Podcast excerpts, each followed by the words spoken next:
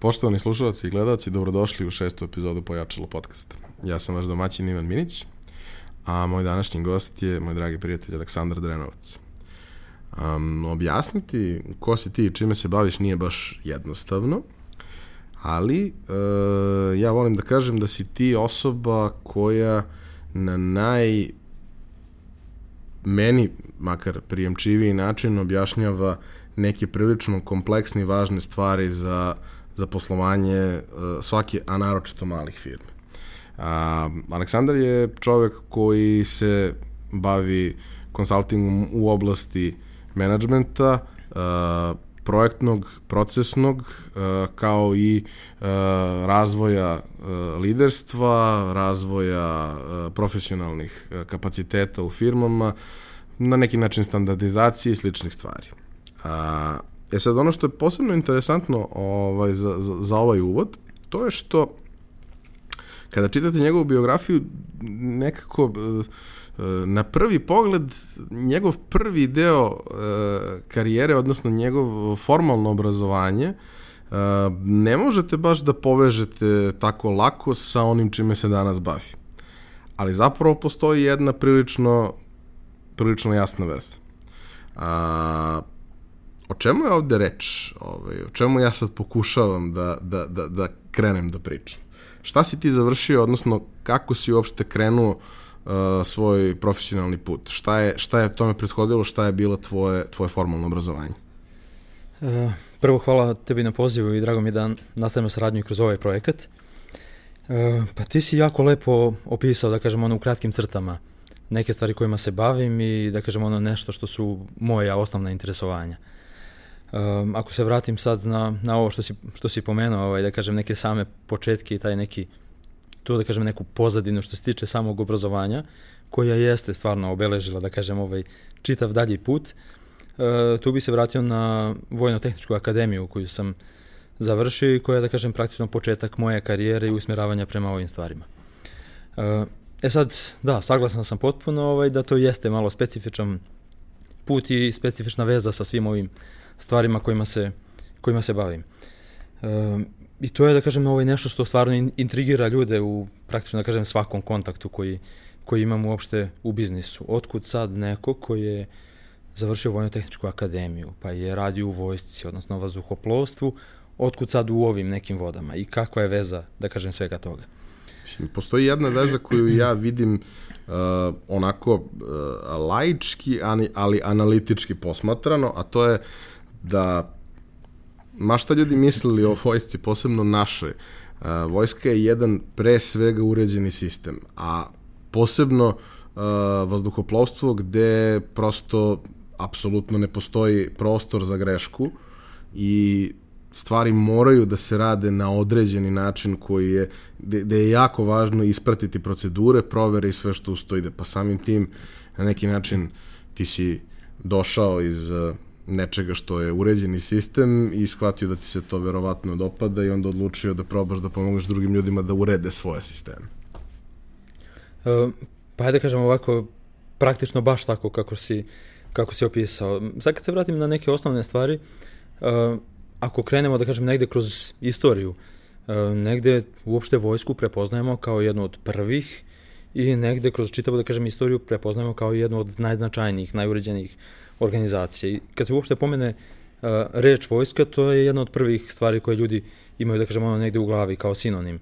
Organizaciju, odgovornost, uh, sistem i tako dalje. Uh, ono što me, da kažem, rad u, i kroz samo školovanje, a i kroz rad u takvom ovaj, sistemu, da kažem, negde ovaj, što sam naučio, to su sve stvari koje se prožimaju kroz različite, da kažem, elemente menadžmenta. Uh, to je organizacija, to je sistem, to su procesi, to su to je neko upravljanje rizicima koje je recimo u vazduhoplovstvu posebno, posebno važno, kao što si ti ovaj opisao. Rad sa ljudima i vođenje tih ljudi, kvalitet na kraju koji, koji moraš da isporučiš. I evo sad kad pričamo samo o vazduhoplovstvu, greške su jako, jako skupe. U bilo kojoj drugoj profesiji na neki način može da, kaž, da kažem, što bi rekli, da se ispegla ta neka greška. I tolerancija Ali, je tako, mnogo veća. Tako je. Tako je. S tim što ovde u ovom slučaju imaš, da ne kažem, to zvuči ovako kao vrlo jednostavan, ali pozadina toga je uh, vrlo, da kažem, značajna, ali vrlo jednostavan zadatak, a to je da onaj koji je poleteo nekim avionom i helikopterom, isto tako, sa istim tim, živi zdrav sleti. Znači imaš obavezu da kažem da uspostaviš čitav sistem koji će obezbediti da se pod navodnicima samo to desi. A, kad kažem tolerancija, tolerancija za ljude koji nisu iz uh, neke, ajde da kažemo, primarno mašinske struke, je jedna stvar. Za nas koji smo na neki način jeli, mašinci inženjeri, tolerancija predstavlja zapravo vrednost koja je dozvoljena greška. I naravno, postoje jeli, situacije i sistemi gde je dozvoljena greška velika. Kada E, šišate ogradu, da li ćete da ošišate 5 cm više ili manje, u suštini nije preterano bitno ako je svuda isto. Kada gradite most, da li će oni baš da se pogode u milimetar ili neće, kada se susreću, takođe nije važno, tu postoji opet neka veća tolerancija, ali ovo ovde pričamo o, o, o sistemu u kome su prostor za grešku, a greška uvek postoji i uvek se računa sa greškom, samo je stvar o tome da je taj prostor uh, uh, jako, jako mali. E sad, uh, ono što ja negde zaista smatram da je, da je jako važno i za neku moju karijeru, a siguran sam da ima udela uh, i, i, i u, u tvojim uh, rezultatima, uh, je to što, ok, s jedne strane, da, postoji, uh, razvijao si people skills, ali sa druge strane, ti si inženjer, ne možeš da pobegneš od toga što si inženjer to što si inženjer podrazumeva je li određeni način razmišljanja i rešavanja problema. To vrlo često kad, kad pričam sa prijateljima koji su iz nekog sličnog backgrounda, ide ona priča sa jeli, slava i sličnih stvari. Ti si naučnik. Ne, ne, ne, ne, ne.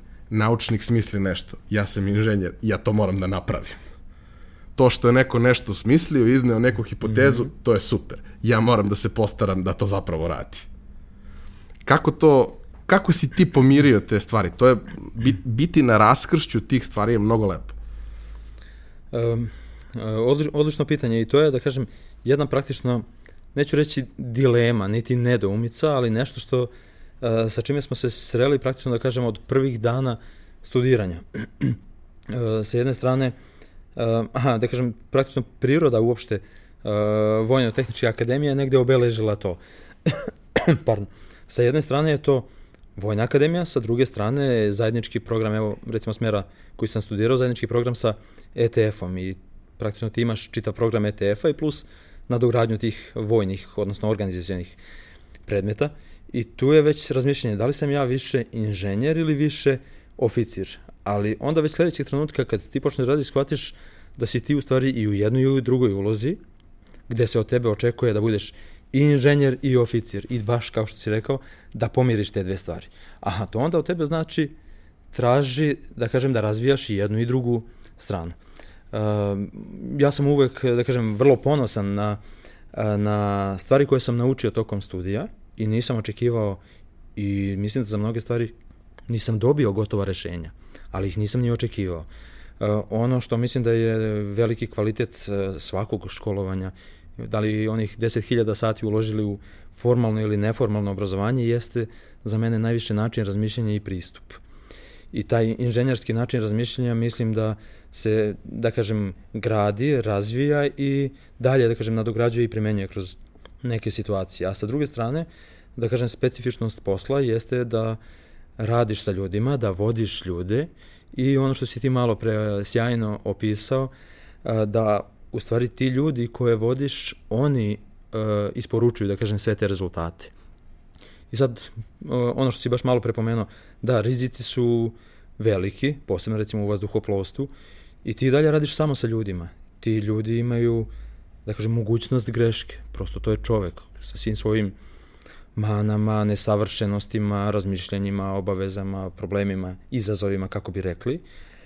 E, jedina stvar koja je tu važno je da kažem ide se možda nekoliko koraka dalje, uspostaviti sistem, uspostaviti sistem koji će obezbediti se da se na kraju da, da kažem isporuči taj kvalitet, a da se ne ostavi da kažem mogućnost greške samo jednog čoveka. To je to je jako važna stvar. I tu, da kažem, dolazi do izražaja ta kombinacija tih tehničkih nekih veština i ovih people management veština. Da, pa ono, jedna od stvari koju uvek kažemo, ajde mi konkretno u IT-u, kao, uh, šta je najvažnija stvar? Pa najvažnija stvar je imati backup. Dobro, ne možeš mm -hmm. baš uvek da imaš backup, posebno u ovakvim situacijama, ali kao, šta je najvažnije kod projektovanja sistema? Bilo kog sistema. Da nemaš single point of failure. Da probaš da napraviš mm -hmm. redundansu u svakoj od tih situacija i da jednostavno ne dozvoliš sebi da neko usko grlo bude problem. Jer ako postoji, vremenom će sigurno postati problem. Pre ili kasnije. I, ce, i izvini, molim te, ovaj, i posebno kod uh, takvih stvari ceniš kritičnost, kritikalnost određenih pozicija, pa onda njima daješ zna, veći ili manji značaj dodatne kontrole. A posle završenog fakulteta ti si počeo da radiš u struci.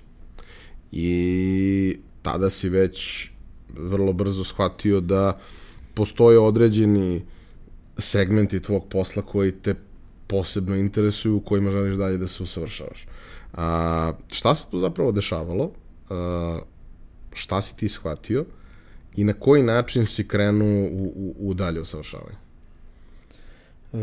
Pa evo i kroz, ajde da kažem, sam početak, sam početak neke karijere, kroz taj deo organizacije održavanja tada vazdušne elektronike, instrumenta, radiotehnike i tako dalje, aviona i same organizacije letenja, ti prosto shvatiš da u stvari se ti najviše baviš menadžmentom i najviše se baviš tom organizacijom. A šta onda u stvari, malo da kažem sad kad ono negde segmentiram, ono što stalno radim i što, što volim, hajde da vidim šta u stvari, čime ja to upravljam.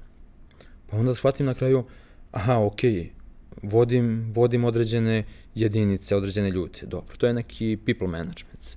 Aha, na kraju treba da isporučimo, da kažem, neki kvalitet. To je opet neko upravljanje kvalitetom. To se dešava kroz neke procese, pa to je upravljanje procesima.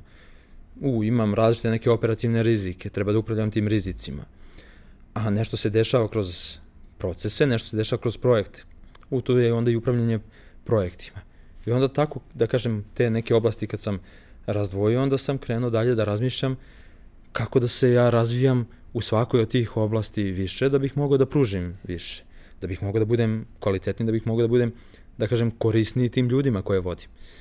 I tu negde, da kažem, počinje moj taj neki lični razvoj m, u prvim nekim koracima na polju upravljanja kvalitetom, kasnije se nastavljaju, nastavljaju upravljanje projektima, sve vreme je tu zastupljeni kroz rad i kroz neka interna usavršavanja i eksterna razvoj uh, nekih ličnih menadžerskih veština, liderskih veština, coaching kao jedan poseban pravac razvoja ljudi, timova, organizacije i dalje neka usavršavanja u oblasti optimizacije čitavih sistema. A, kada kažeš, dakle, krenuo si da se usavršavaš, što, je li kroz interne kanale gde je bilo prostora za to, mm -hmm. što kroz neke eksterne edukacije, a, šta je za, za tebe u tom periodu najvažniji susret koji ti se desio, odnosno možda ne najvažniji susret, nego najvažnija spoznaja koju si doživeo. Kako prosto odlučiš da, e, mislim, ok, mi smo malo drugačiji od možda uobičajenih ljudi, ali kako odlučiš da ćeš ceo život da učiš? Evo, vratit ću se ovaj, kao digresiju, da kažem sad na, na ovo što si, što si pomenuo. Uh, na neke stvari sa kojima sam se, sa kojima sam se sreo tada i na, na početku.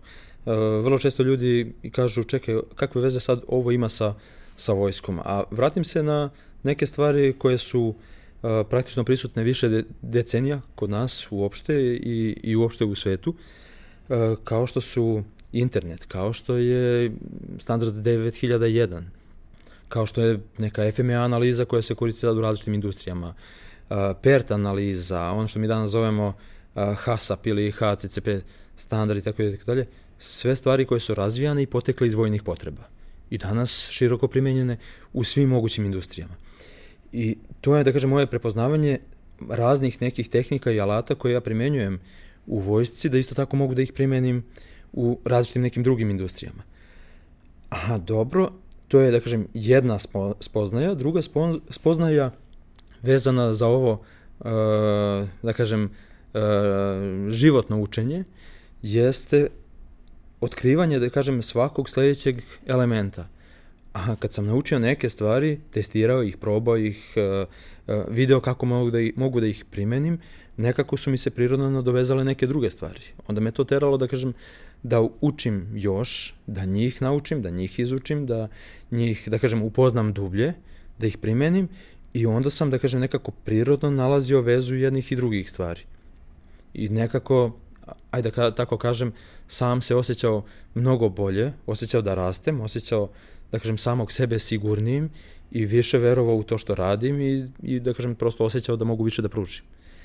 I to je nešto što me postaklo da kažem da radim dalje, da dalje se usavršavam, da dalje učim od ljudi koji su jako dobri, ostvareni profesionalci, od kojih mogu da pokupim i neke stvari koje ne mogu da kažem samo da pročitam negde u nekoj knjizi ili da nađem na nekom, uh, na nekom klipu na internetu ili u nekom tutorijalu.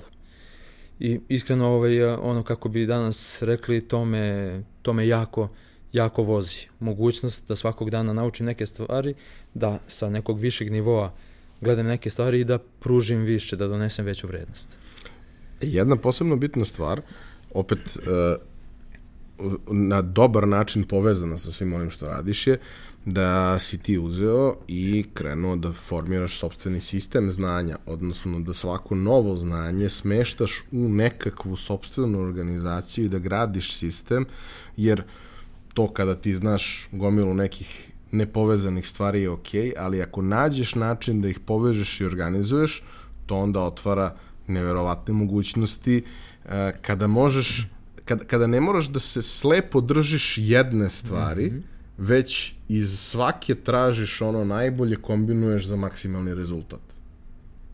A, od čega si krenuo i kako je tekao taj put?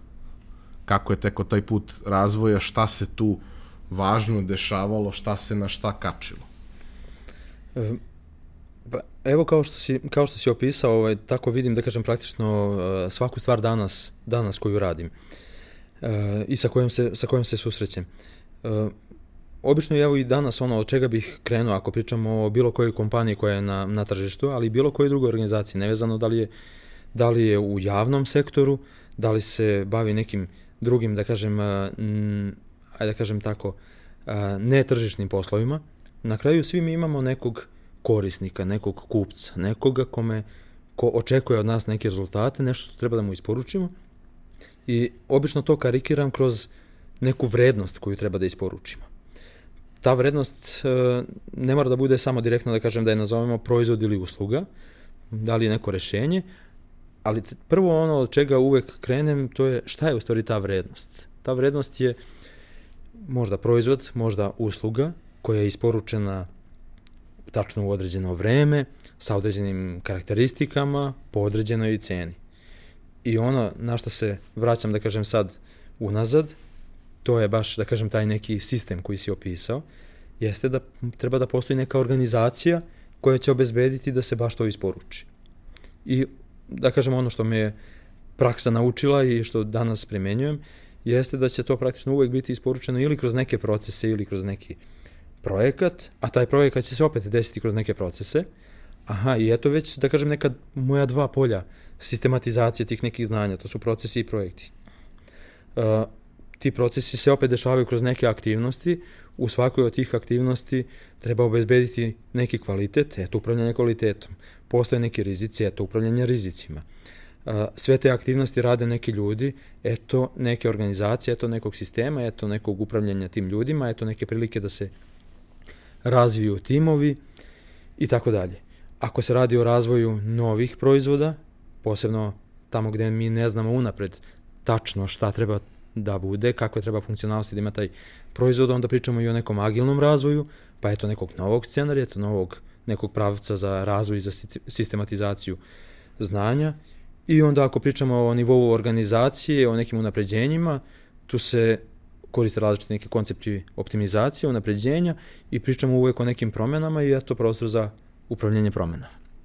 Izvini, možda sam bio za nijansu, za nijansu opširniji, ali eto da kažem neka sistematizacija, eto nekih uh, različitih kvadratića ili kockica u nekoj, u nekoj celini. Nekakvih gradivnih elemenata. Tako, tako je, tako je. Ti kroz sve što pričamo i, i sve što sam jeli, imao prilike da, i, i da čitam što si pisao i, i da pričamo o tome prethodno, a, tvoj posao se u suštini najčešće svodi, bez obzira na to u kojim e, pravcima se razvija, ali najčešće se svodi na to da kompleksnu stvar razložiš na jednostavnije, pa jednostavnije, pa jednostavnije dok ne dođeš do nekog osnovnog gradivnog elementa kada ih analiziraš i onda pokušavaš nešto, nešto da napraviš sa njima. Sećam se, ovaj, u srednjoj školi smo imali prilike nekih možda mesec dana da radimo sa jednim sjajnim čovekom koji je iz meni nepoznatih razloga nakon toga pobegao glavom bez obzira iz naše srednje škole. Ali je taj čovjek bio zaslužen za to da su svi uh, naučili kako funkcioniše algoritmika i kako funkcioniše programiranje. Bio je deo nas koji smo to već znali pre nego što smo došli u školu, ali gomila dece za koja se susretala sa time zapravo nije imala neki prethodni kontakt sa tim. I nije shvatala na koji način je potrebno da razmišlja da bi mogla da, da raščlani stvari dovoljno, da jeli u tom, u tom periodu pričamo o nekom vrlo bazičnom programiranju, da li je Basic, da li je Pascal, da li je nešto, ali o nekim linijama gde se u svakoj liniji nešto dešava i sad ti moraš faktički jel, stvar da dovedeš do toga da mogu da možda se uradi u jednoj liniji. I kako je on to rešavao? Mislim, ovaj, možda će da zvuči malo rasistički, ali, ali nadam se da, da, da će ljudi shvatiti na pravi način, to je ovaj, a, čuveni zadatak da naučimo crnca da skuva kafu, odnosno uh, zamisli situaciju da dođe uh, afrički crnac koji nikada nije imao prilike da vidi kako izgleda kuhinja, šporet, lonče, sve što uz to ide i svi procesi koji se tu dešavaju, kako ćeš njemu da objasniš svaku pojedinačnu stvar korak po korak, ne samo kako ćeš da ih raščlaniš šta sve tu treba da se desi, nego kako ćeš i da uradiš provere, kako on da zna da je lonče puno vode, na primjer ako stavi pod slavinu, mm -hmm. otvori slavinu, u kom trenutku, kako radi koju proveru. I mi smo o tome pričali nekoliko časova i napravili nekakav vrlo uh, obiman i kompleksan algoritam i ja mislim da uh, niko iz, iz, iz tog našeg razreda nakon toga više nije imao problem sa time. To ne znači da su dobro svi radili zadatke. Programiranje je malo više od toga. Ali su razumeli kako stvar treba da funkcioniše. I to je vrlo često nešto gde gde se ljudi e, pogube. Mislim da je jedna od važnih stvari tvoje pozicije koja je između e, menadžmenta i tehnologije upravo to što si ti spona koja pomaže da se ta dva sektora koji se inače ne razumeju baš tako često, da nađeš način da oni međusobno komuniciraju i, i, i da se razumeju. A, kako kreće tvoja karijera u smislu uh, saradnje sa privredom? Sa, sa, sa, jer jedna stvar je kada ti radiš nešto e, i interno radiš vizualizaciju, analizu i sve ostalo, a potpuno druga stvar je kada to u nekom realnom poslovnom procesu treba da implementiraš i treba da uh, pronađeš način uh, da te razumeju, da sve funkcioniše kako treba. Kako je to izgledalo? Kako je to tvoje lično iskustvo bilo? E, prvi neki početci, da kažemo, u tom smeru su bili, ja bih rekao, sa, baš sa malim i srednjim firmama i bili su stvar preporuke. Stvar preporuke nekih mojih poznanika, prijatelja koji su uh, imali, da kažem, eto, neke kontakte u tom svetu privrede i opet se vraćam na jednu stvar koju često pominjem, no pain, no gain. Aha, tamo sa druge strane su imali poznanike prijatelje koji su imali određene, moderno rečeno, izazove u svom radu, poslovanju. Uh, vrlo često se ispostavi da su to ozbiljni problemi. Ne samo, ne samo izazovi i negde kroz neku priču, eto, došlo se, da kažem, do uh, onako kako sam ja čuo, do eto, te priče, aha, imamo nekog drugara, prijatelja, poznanika koji se bavi tim nekim stvarima, možda biste mogli da popričate, pa da vidite, možda ima nekog prostora za saradnju. I iskreno sa, u tim nekim posebno prvim nekim kontaktima bilo je sa druge strane određene sumnje, rezerve, nisam ja imao računam da ni danas nemam ovaj mnogo godina, ali neko ko je napravio neki biznis na koji je vrlo ponosan, koji je njegovo čedo i koji veruje da je uradio sve što je mogao, u prvom nekom trenutku možda nema potpuno poverenja da sad neko sa strane može da dođe i da neke stvari koje on možda pokušava na neke načine, da reši da mu pomogne ili da nekim čarobnim štapićem to razreši. I ono što je stvarno, ovaj, što ja uvek i naglašavam, ne postoji čaroban, čarobni štapić, prosto i to, da kažem, ovaj promena stanja iz neke tačke A u tačku B je opet proces. I opet kažem, ovaj, to su bili neki, neki početci koji su krenuli tim putem i ono što sam gledao da primenjujem u tim nekim stvarima, stvari uh, u kojima sam uh, u kojima sam, da kažem, imao realno i neko dovoljno potvrđeno iskustvo da mogu da se upustim u takve stvari. Znači ono što sam radio dosta puta, što sam i samom sebi na različitim primjerima dokazao da to funkcioniše i gdje sam imao baš ono što si pomenuo malo pre, različite neke algoritme. E, izvini, samo jedna kratka digresija ovaj, na tvoj sjajan primjer sa e, programom i sa algoritmom i sa Pascalom. Jer, evo, jedan bilo kakav algoritam u Pascalu ja vrlo često poistovećujem sa organizacijom. Ako razumeš, ako razumeš uh, uh, sistem, sistem koji ćeš napraviti u Pascalu, lako ćeš razumeti i imat ćeš, što bi rekli, mindset, način razmišljenja, pristup za bilo koju poslovnu situaciju. Shvatit ćeš da postoje neki ulazi, da treba da dobiješ neki izlaz, da postoje neke tačke odlučivanja, neki različiti scenariji i da treba da definišeš moguće situacije u svakom od tih scenarija, koji su kriterijumi za svaki od tih za svaki od tih scenarija, šta se dešava, koje su petlje i tako dalje i tako dalje. I to je otprilike situacija sa kojom sam se sretao na samom početku i gledao sam da se uvek držim, da kažem, tih nekih osnovnih, osnovnih stvari. Uh, jako važna stvar i ono što mi je, da kažem, ovaj, posebno pomoglo u tim nekim prvim situacijama, koje su i za mene bile nove i izazovne, jeste bilo, uh, da kažem, vođenje tih vlasnika biznisa kroz različita otvorena pitanja do nekih što širih informacija koje ću dobiti od njih i ono što bih ja posebno rekao na do njihovog zaključivanja toga šta su izazovi, šta su problemi sa jedne strane, znači ono što je trenutno stanje i sa druge strane onoga kako bi trebalo da bude, kako bi oni želeli da, da bude. I kad imamo, kad imamo jednu i drugu tačku, onda dalje možemo da pričamo o nekom projektu, da kažemo ono, promene iz tačke A u tačku B. Da, vrlo često kada, kada pričamo o, o programiranju, posebno u tom nekom bazičnom periodu, ono, osnovne, srednje škole, stvari koje se tada uče, Uh, ljudi vrlo često mistifikuju te stvari preko svih granica, a zapravo onog trenutka kada znaš da rešiš problem, semantika i leksika nekog novog programskog jezika na tom nivou su vrlo bazične, to je nešto što se nauči relativno brzo, da, možda ćeš negde zaboraviti neki zarez ili nešto slično, ali ti ćeš de facto znati to da rešiš.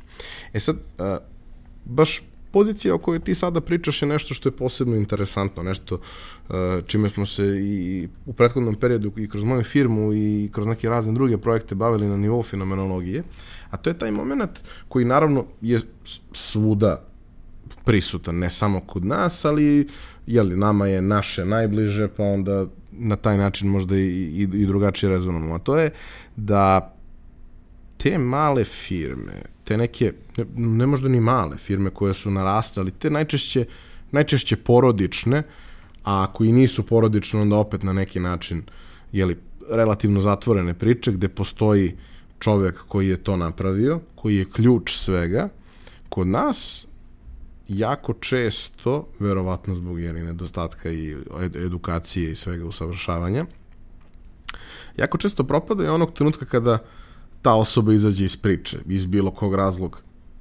Mm, nekad se dešava da je to posto prezasićenje, nekad se dešava da se prosto tržišna situacija promeni u smeru da taj čovjek to ne isprati na pravi način i da to bude prosto poslovno jeli, krah. nekad se dešava i tragedija, ali vrlo često, ako možemo da izvučemo tu neku zajedničku crtu toga svega, to je pad priče onog trenutka kada ta osoba više uh, ne može da, da nastavi da radi to sa tim žarom i tim intenzitetom kojim je radila. A iza toga stoji to da mi možda imamo sjajnu firmu, mi možda imamo sjajan proizvod, ali mi nemamo sistem koji za te firme stoji, odnosno uh, ako postoji jedna osoba koja se sve pita, onda je ta osoba single point of failure tom konkretno slučaja. A, znam i, uh, iako jeli, nemam previše godina, ali imam dosta iskustva za ove godine, znam i sam koliko je teško uključiti bilo koga, prebaciti bilo kakvu odgovornost na nekog drugog, naročito ako si gotovo siguran da ta osoba to neće iz prve uraditi onoliko dobro koliko ćeš uraditi ti. Ja sam s druge strane opet neko ko dolazi iz IT-a i tehnologije i ja znam šta znači da je nešto neodrživo i da prosto ne može da raste ako je ograničeno samo na mene. Ali mnogi ljudi nisu spremni da naprave kompromis kratkoročno da bi dugoročno napravili rezultat. A, ono što si rekao, a što mislim da, da je ključno u tim situacijama, jeste možda upravo to e, kako se postaviš, odnosno da kada se pojaviš bilo gde kao eksterni čovek, ne možeš ti da kažeš gde je problem. Jer ti ako kažeš gde je problem, ti si neprijatelj. Mislim, nisi neprijatelj, ali postoji konfrontacija i automatski, pošto mi Srbi ali volimo da se delimo, e, na naše i na njihove, ti si njihov, čim nešto nije okej. Okay. Ali ako uspeš da dovedeš, što često može da bude dugi i bolan proces, do toga da čovek sam zaključi to, onda se dešava neka magija. Kako? Kako da dovedeš nekoga do toga? Odnosno, na koji način uopšte ceo taj proces ide? Pomenuo si neka pitanja, ali hajde da probamo da to na neki način simuliramo.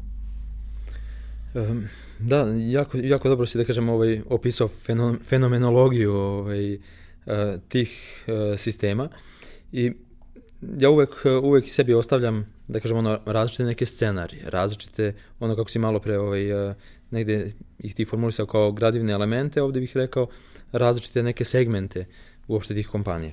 Tih kompanija ili E, često vlasnici tih manjih, e, manjih sistema baš vole da kažu firmi, ne, ne kompanije. E, postoji jedna, jedna, da kažem, kategorija tih vlasnika biznisa koji imaju možda čak i mali biznis i prosto ne žele dalje da se šire, zadovoljni su time, negde vide iza toga mnogo više svojih obaveza i na nekim poljima u kojima oni nisu da kažem sigurni i žele da ostanu i da funkcioniše na tom nivou, ne što je sasvim okej. Okay. Da, tako je, tako je, tako je. Što je, sa, što je, što je sasvim okej. Okay. Uh, drugi, drugi, da kažem, nivo jesu mala ili srednja preduzeća, bilo da su porodična ili na neki drugi način organizovana, koja prepoznaju potrebu i žele dalje da se razvijaju. Uh, koji je, koji da kažem ovaj su tu kod njih izazovi i koji da kažem ono iz nekog mog iskustva je uh, trenutak gde oni treba da prepoznaju oni treba da prepoznaju potrebu, da kažem, za nekom, ja bih rekao tako, pomoć ili podrškom negde sa strane.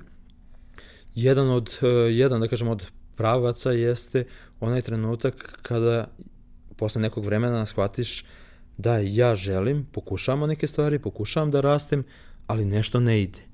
Ili Pokušali ide smo, previše teško. Ili ide previše teško i nailazimo možda na previše otpora i na previše problema. Druga stvar je imamo probleme, imamo izazove sa kojima se srećemo i imam ono kako ljudi ovaj, često vole da, da kažu ili kako mi često kažu, uh, jedan isti problem mi se javlja već 50. put. I to mi pomera pamet, uh, zbog toga ne spavam, imam stres takav i takav, uh, neki put sam imao prilike da čujem, više ne znam mi šta će mi ovo, što mi ovo treba, zašto ovo da radim, da li da sve ovo ugasim ili da nastavim, nastavim dalje i na koji način, kojim putem, kojim putem dalje.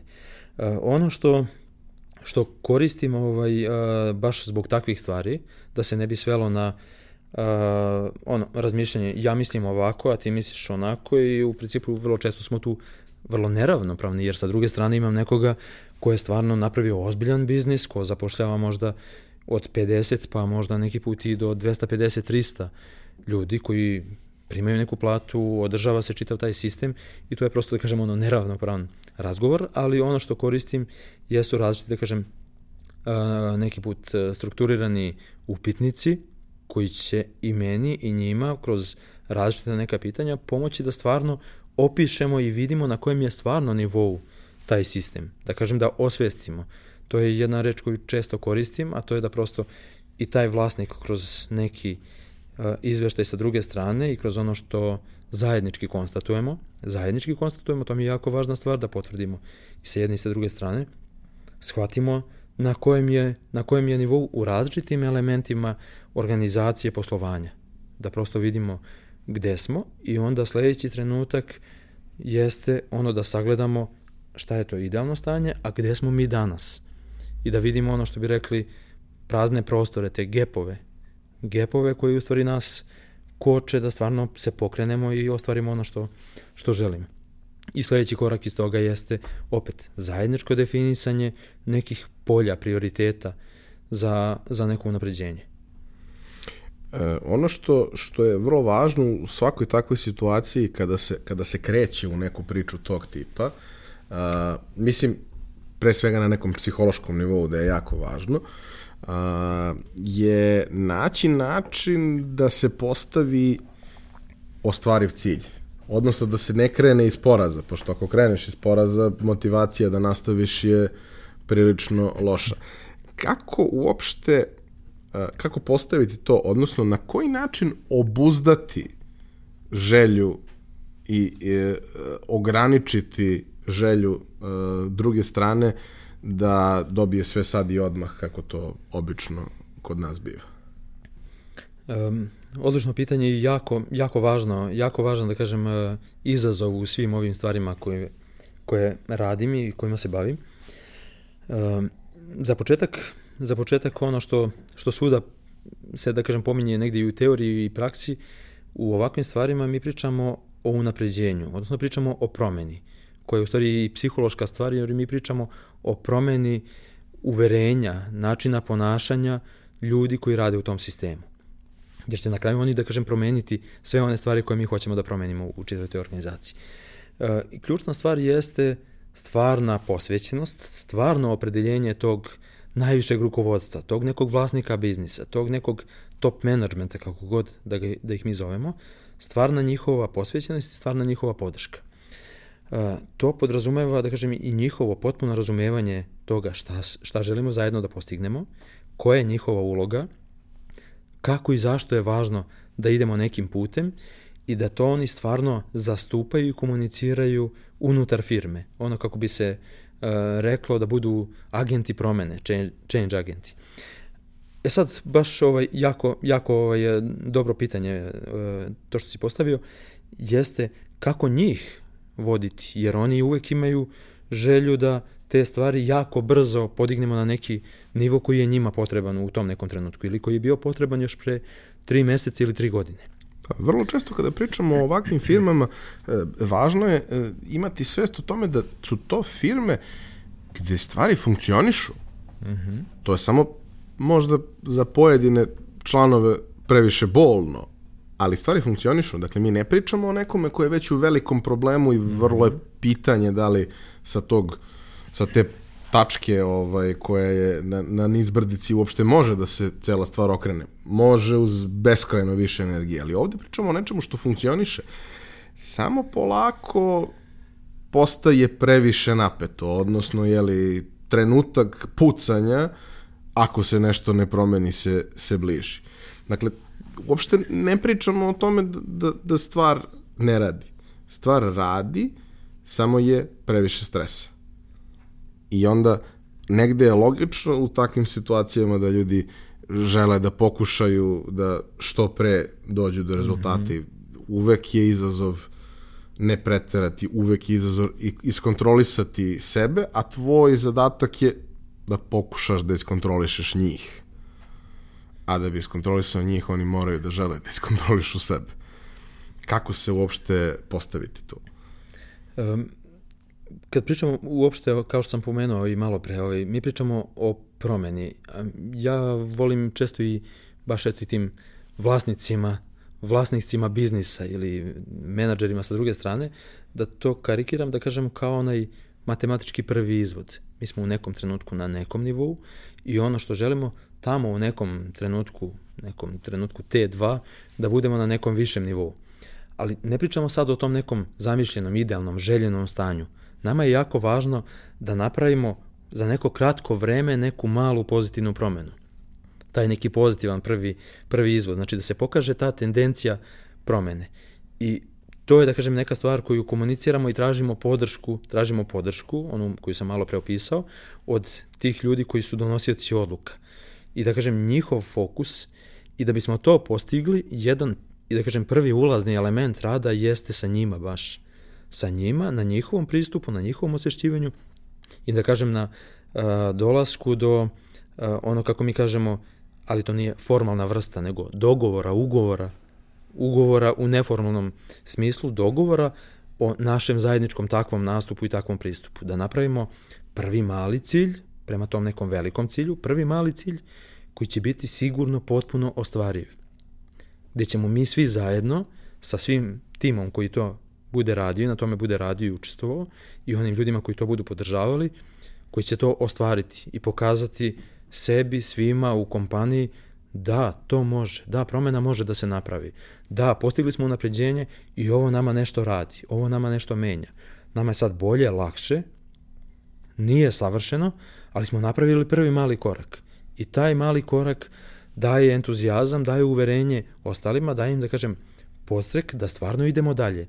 Da isto tako planiramo neki sledeći korak i kroz, da kažem, različite neke korake tog tipa, da mi stvarno trasiramo taj put i da ti ljudi stvarno sledeći trenutka, oni žele promenu. Da u stvari ta promena bude njihova stvar, ono što od njih, od njih dolazi. Neš, ne nešto što se negde sa strane donosi ili potencira. Nameće. Tako je, tako je, nameće. Tako je. A, dakle, pričamo o tome da e, velika promena dolazi kroz niz malih inkremenata.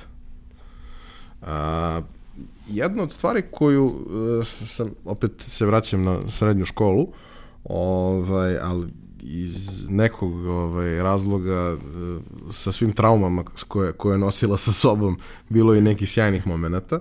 Ovaj, jedna od stvari koju, koju smo učili, jeli, moj, moj smer je bio za robotiku i fleksibilne proizvodne sisteme, uh, Jer jedna od stvari koju, koju smo učili prvi put kad se sretneš sa fleksibilnim proizvodnim sistemima imaš 16 godina, to ti ne znači apsolutno ništa. Ali onda, pošto voliš da kuckaš nešto po kompjuteru, kreneš da čitaš o tome i onda dođeš do toga kako je gospodin Henry Ford napravio neke stvari koje su vrlo interesantne. I onda shvatiš da uh, je jedan čovek napravio promenu paradigme industrije koja je jako kompleksna, i uspeo je da a, problem za koji niko nije video da postoji uopšte, da ga na neki način a, reši drugačije. I tu je ona priča kao a, kako dolazi do, do inovacije. Pa do inovacije ne dolazi tako što iteriraš linearno neku stvar i ovaj, tu je onaj njegov citat da sam pitao ljude šta žele, rekli bi mi brže konji. Oni žele Uh, da reše problem. Ako ih pitaš kako da ga reše, nećeš dobiti odgovor. Ali ih pitaš šta je problem, pa onda iz toga ti nađeš odgovor na to. Možda promašiš, a možda i pogodiš. Ali ona stvar koja uh, meni, kod njega bila genijalna i vrlo je slična uh, pristupu koji, koji ti koristiš, a koji se kasnije razvijao pa dobrim delom i kroz tu industriju, jeste taj moment da uh, veoma kompleksne procedure, veoma kompleksan uređaj, veoma kompleksnu napravu mašinu uh, u jednom trenutku do jeli, nastanka Fordove proizvodne linije uh, sastavlja niz ekstremno kvalifikovanih ljudi. Dakle, treba ti, da bi jedan auto sastavio, treba ti pet majstora koji znaju sve o tome. Pet godina kasnije, treba ti jedan majstor na deset automobila jer se sve ostalo raščlanilo na jednostavne elemente i ti si došao u situaciju da imaš proizvodnu liniju na kojoj danas su roboti, tada su bili ljudi, svako od tih ljudi zna onaj mali deo posla koji on treba da radi i njega zna da radi sjajno, omogućava šta? Omogućava da se stvari održ, odigravaju jako puno brže, jednostavnije i šta je još jako važno u celom procesu? Pa zapravo ti omogućava da uh, osoba bude zamenjiva, ok, manje više, ali da jako brzo obučiš novu osobu, odnosno šta ti to daje? Pa daje ti skalabilnost tog biznisa. Mm -hmm. Jer ako nekog treba da naučiš uh, sve ono što treba da zna konstruktor automobila, treba ti 10 godina. A ako treba da ga naučiš da zavrneš raf, to možeš da uradiš za jedan dan. Možda ne baš jedan, ali možeš relativno brzo. I tu onda dolazimo do toga da u, u, e, na, na raskrsnici između tih nekih stvari se dešava magija. A, metodologije koje se koriste za unapređivanje a, e, su razne i svaka ima neke svoje karakteristike i postoje neke najčešći scenariji u kojima se koja koristi, odnosno šta je pogodno za šta. Uvek je interesantno kada postoji miks više njih. A, kako si se ti upoznavao sa time i šta je nešto što je tebi e, posebno bilo interesantno u, u celoj priči. Da, mnogo tehnoloških inovacija dolazi iz vojske. Zašto dolazi iz vojske? Pa zašto vojska najčešće ima dovoljno veliki budžet i resurse da to razvije. Ali mnogi stvari se razvijaju i u civilnom sektoru pa postanu deo ovog.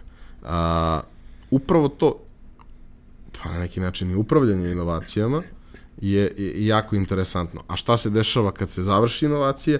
Pa onda mora da se postavi u nekakav sistem, onda mora da se pronađe mesto, onda mora da se opiše procedura, jer kad krećeš ne znaš gde ćeš da stigneš, ali kad stigneš treba bi ipak nekako unazad da probaš da opišeš kojim koracima se do toga došao. Šta si ti, ovaj, e, nismo, nismo rekli na početku zapravo e, e, šta si sve ti radio nakon što si završio ovaj, uh, Vojno-tehničku akademiju, šta si ti sve konkretno uh, interesantno radio što se tiče krupnih stvari vezanih za tvoje profesionalno usavršavanje. Šta si ti tu radio? Šta ti je bilo interesantno kod svake od tih stvari, nešto karakteristično što možeš da izvučeš? Evo, nadovezu se prvo na, na ovaj primjer koji si, koji si malo prepomenuo i na priču o, uh, ajde da kažem, inovacijama sa jedne strane, a sa druge strane ne, nečemu što se zove kontinuirano unapređenje. I meni je jako simpatična, da kažem, ovaj, neka, neka misa, neka fraza koja se vrlo često vrti po društvenim mrežama koja kaže e, sijalica nije nastala kontinuiranim unapređenjem sveće. I ja sam potpuno saglasan sa tim. Jer ona, baš kao što si sad opisao, ona nije ni trebalo da nastane, niti je mogla da nastane kontinuiranim unapređenjem sveće. I mi tu imamo, da kažem, dva praktično odvojena procesa koja se tamo negde susreću i koji su komplementarni. Sa jedne strane imamo inovaciju koja potpuno menja koja potpuno menja, da kažem, koncept, način rada do tadašnji i tako i tako dalje. I donosi stvarno neku novu vrednost. I vrlo je značajna sa, sa te strane. Um, aha, kad pričamo o inovaciji, kakva god da je, ako pričamo sad o nečemu što će promeniti interne procese u firmi, mi opet pričamo o unapređenju i o jednoj značajnoj promeni koja će potpuno promeniti način rada mnogih ljudi i saradnje između različitih delova kompanije i tu je opet jako važna priprema za tu promenu. Znam velike kompanije koje su uh, uvodeći jedan od uh, najvećih ERP softvera, softvera za, za, da kažem, planiranje i upravljanje poslovanjem, uh, praktično svoje poslovanje zaustavili na po više od 8, neki više od 10 dana, jer nisu napravili dobru pripremu za jednu takvu inovaciju unutar svog sistema. Sa druge strane, kao što si opisao, inovacija kakvu god da napravimo, sledećeg trenutka treba da zaživi, treba da postane deo nekog sistema i treba da postane, da kažem, nešto što je redovna, redovan, da kažem, deo našeg sistema što će se stalno primenjivati. Da bi to zaživelo, ono što je, da kažem, ovaj, dobra praksa uvek za početak, napraviti uh, jedan, da kažem, pilot projekat ili pilot grupu, test grupu na kojoj ćemo to testirati, videti kako funkcioniše, učiti nešto iz toga, vratiti i dalje, da kažem, razvijati i širiti, da kažem, na čitav, na čitav neki sistem. Uh, sa druge strane, uh, kad pričamo o standardizaciji uspostavljanju sistema upravljanja kvalitetom, mi na kraju, šta god da je ta naša inovacija donela, treba da obezbedimo da na kraju na kraju čitavog tog procesa se isporuči neki kvalitet za interne ili eksterne korisnike, kupce, kako god da ih zovemo. Aha, to znači da treba da definišemo čitav taj end-to-end -end proces, pa opet uloge, odgovornosti, neke standarde kvaliteta, da definišemo uloge u tim procesima, da prepoznamo koji su to rizici, šta treba da uradimo preventivno da ne bi taj rizik nastupio, šta kada nastupi taj rizik, šta da uradimo korektivno, kako da što pre smanjimo posledice tog rizika i tako dalje i tako dalje. I to je deo našeg sistema. Sad, ta inovacija je zaživjela, to funkcioniše. Ono što je sad važno, to je sad opet neko novo naše početno stanje. To je sad stanje na kojem mi funkcionišemo. Opet je to nešto na što treba da se navikne čitav sistem, čitava organizacija i posle nekog vremena mi smo već stvorili prostor da se ta organizacija, odnosno taj sistem, ponovo unapređuje i razvija. Da li kroz neka mala unapređenja, ta kontinuirana, ili ćemo opet prepoznati prostor za unapređenje. E, još jedan jako važan deo koji si malo prepomenuo, a koji je važan i kod, e, kod ja bih rekao, tog kontinuiteta malih, malih kompanija, a posebno ovih porodičnih biznisa, jest, jeste nešto što se uh, u oblasti menadžmenta naziva knowledge managementom, znači upravljanje znanjem, taj transfer znanja. Kao što si opisao, da kažem, ovaj primjer kod, kod Forda, jako je važan i u svakoj kompaniji čitav taj sistem procesa i procedura. Zvali ga mi procedure od kojih ljudi se nekako plaše, beže, misle da je to nešto što će ih ograničiti. Dobro, naši Hajde da ljudi da ih... ne vole, ali da, naši ljudi okay. ne čitaju uputstvo za povezivanje televizora i videorekordera, tako da mi smo posebni po tom pitanju. Hajde da ga nazovemo samo dokumentovani sistem. Eto, neka dokumentacija koju ti mnogo bolje od mene znaš je jako važna, važna i u razvoju softvera.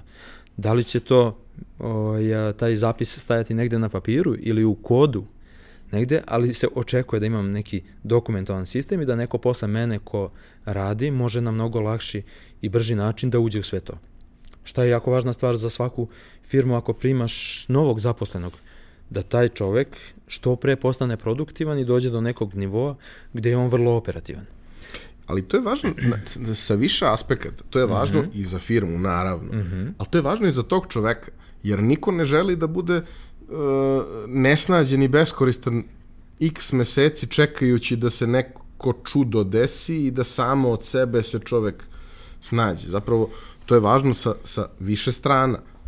I većina ovih stvari o kojima pričamo nisu samo važne da s jedne strane, jeli, mislim šta je, šta je cilj poslovanja, pa cilj poslovanja je profit. Kad neko ima neki drugi cilj, to baš nije uvek najjasniji, mada može da se desi. Tako isto i ovde. Šta je cilj unapređenja? Pa cilj unapređenja je da postoji bolji rezultat na kraju, ali i da svi koji su uključeni, barem veći deo njih, budu zadovoljniji celim procesom kojim se dolazi do toga. Tako je, baš to kad si, kad si pomenuo. Uh, jako važna stvar, uh, posebno kod uh, malih i srednjih biznisa, onog trenutka kad, da kažem, taj biznis prevazilazi kapacitete organizacije. Tu onda praktično čitav organizacija, odnosno čitav biznis trpi. I ima situacija sa kojima se susrećem gde kažem da su ljudi razvili biznis, ali nisu razvili organizaciju. Uh, I na kraju deo, deo da kažem ovaj do kojeg dolazim vrlo često jeste da ta, taj nivo razvoja organizacije određuje nivo razvoja tog biznisa. Uh, iz tog razloga jako je važno da kažem tog nekog trenutka gde ti želiš stvarno da se razvijaš i da napraviš ozbiljan biznis od toga što si započeo, prepoznaš trenutak, ono što smo malo prepomenuli, različite neke situacije gde ti imaš izazove u tome. I potrebu da da stvarno izgradiš organizaciju, da prepoznaš koji su sve to procesi koji se dešavaju u mojoj organizaciji. A kad sam ih negde prepoznao, identifikovao, aha, hajde kako da ih nekako opet, uh, ono smo rekli malo pre, dokumentujem, da ih mapiram, da ih opišem, a da onda bukvalno u svakom od tih procesa tražim prostor za unapređenje. Evo jedna jer, jako važna jer stvar. Jer mnogo malih unapređenja Tako znači veliko unapređenje. Tako je. I ovdje pričamo, da kažem, sad sa te strane efikasnosti, sa te strane sistema, sa te strane operativnosti. Ti si pomenuo jedan jako dobar i vrlo važan primjer i, i ti si ga opisao sa više strana. Evo neka je to jedan mali proces uvođenja novo zaposlenog u posao. U njegove neke dužnosti. Mhm. Da li smo bi prvo dobro definisali njegove dužnosti? Da li smo ga upoznali sa tim dužnostima? Da li smo mi uopšte definisali njegove dužnosti? Tako je, tako je. Aha, ko će to njega, da li ćemo mi pretpostaviti i ono što često potenciramo, a što se stvarno često dešava u, u firmama, koje meni su razumljivi, da kažem, ti fenomeni, jer oni na početku jure za biznisom, jure za svim mogućim prilikama i ne stižu da grade sistem. Ali ono što je važno sa druge strane, evo recimo kod tog nekog pojedinca, tog nekog čovjeka koji dolazi u, u firmu, on očekuje da dolazi u neki sistem gdje zna, gdje će unapred znati, odnosno gdje će odmah na početku znati šta je njegov posao, ko je njegov neki šef, nadređeni, pretpostavljeni, kako god ga zvali, uh, od koga će moći da nauči neke stvari, ko će ga uputiti, gdje može da pročita neke stvari, pa do raznih nekih dilema, ono što si pomenuo, zašto se to čovjek pita na početku, gdje ja mogu da parkiram, gdje mogu da jedem, gdje mogu da poručim hranu, gdje je neki toalet. I to su sve stvari, kad mi sad pogledamo, u tom nekom malom, jednostavnom procesu, to su sve stvari gdje mi, mi možemo da izgradimo neki sistem.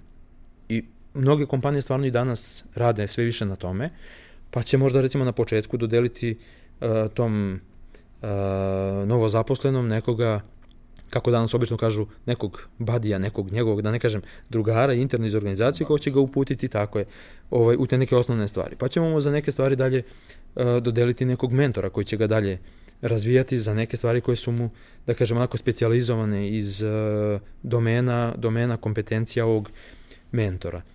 A sa druge strane, razmišljam kako da taj moj zaposleni donese što više vrednosti u ovoj, u ovoj firmi koju, koju gradimo i razvijamo aha, da bi on bio kvalitetniji, isto kao ovaj, on što si malo pre pitao otkud ta ideja o i potreba za stalnim učenjem, stalnim usavršavanjem, tako će i svako od njih pružati više. Aha, eto prilika sad da napravimo opet jedan novi sistem. Sistem upravljanja obukom i razvojem. Pa evo recimo da tu kažemo, čekaj, na koje načine ja sad mogu njega da razvijam? Mogu recimo kroz neke interne obuke, jer imamo ovdje neke ljude u firmi koji su specijalizovani za neke stvari, od kojih oni ili još neki drugi mogu da nauče. Mogu da ga pošaljem na neki eksterni trening. A, mogu da ga uključim u neke poslove, u neke projekte, možda da mu dodelim mentora i mogu da mu dodelim, da kažem, neke zadatke za neko njegovo samostalno učenje i za njegov samostalni razvoj.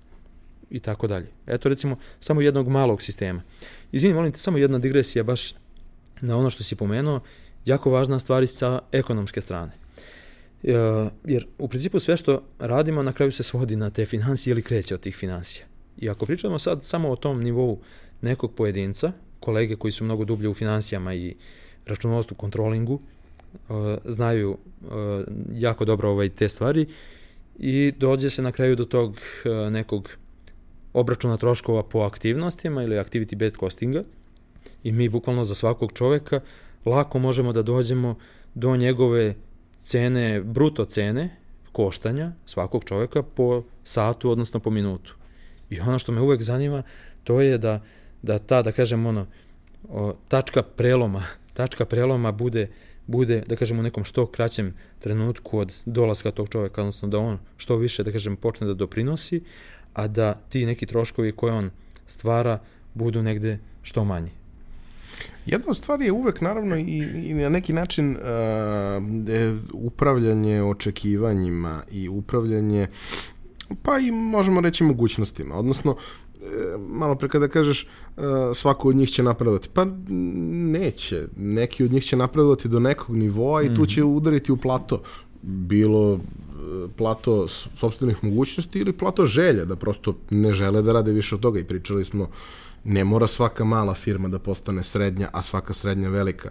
Zapravo u tom uh, funnelu razvoja to je prilično veliki ovaj veliko usko grlo taj prelazak iz mikro u malo a malo u srednje i tako dalje. Uh, te stvari su uvek izazov. Uh, prosto, ono što, što je iz mog nekog bugla tu važno ne samo je li pomoći uh, i napraviti sistem u kome on može da napreduje, nego i videti dokle želi, odnosno videti sa čime raspolažeš u smislu talenta. Mm -hmm. I u smislu talenta i u smislu uh, voljnog momenta i svega ostalog. Jer neko ko možda uh, nema prevelike želje, ali odlično radi svoj posao, ako je zadovoljan time, problem ne postoji. Problem postoji onog trenutka kad postoji nekakav ovaj, mimo ilaženje između želja i mogućnosti. Vrlo često u, u, u životu jeli, su takve stvari su takve stvari u pitanju. E sad, ono što bih volao da popričamo, pošto je tvoja situacija posebno interesantna e, meni kao nekome ko, ko dolazi iz, iz IT-a, je to što ti e, za, za ovo, za ovih ovaj, nekoliko godina, više od nekoliko godina koji, kojih se baviš ovim, a, zapravo a, e, imaš prilično raznorodne iskustva kada su u pitanju industrije. Ali jedan poseban deo toga je zapravo tvoje iskustvo u a, informacijalnim tehnologijama, odnosno ne samo striktno informacijalnim tehnologijama, nego i firmama koje se oslanjaju na tehnologiju u, sobstvenom razvoju. Zašto to? Pa zato što uh, u, u mnogim drugim uh, delatnostima upravo ona tolerancija o kojoj smo pričali, odnosno neki prostor za napredak, je mnogo veći, napredak je možda lakše ostvariti, e, ljudi sa kojima pričaš su ljudi koji su možda na nekom e, nivou koji prosto nije preterano visoki, svako malo unapređenje može napravi značajnu razliku. A ovde radiš sa ljudima koji su izuzetno mnogo plaćeni, gde je sve jako skupo, gde je vreme faktor koji je uvek u deficitu i kad kreneš da razmišljaš o nečemu kastiš tri meseca, za svaki slučaj.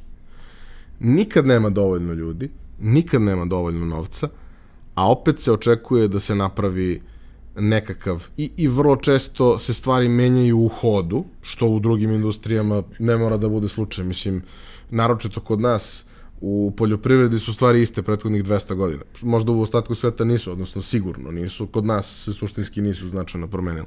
I u proizvodnji, naravno, dolaze i manje promene i veće kroz neke mini industrijske revolucije, ali ovde se revolucija dešava svakih šest meseci.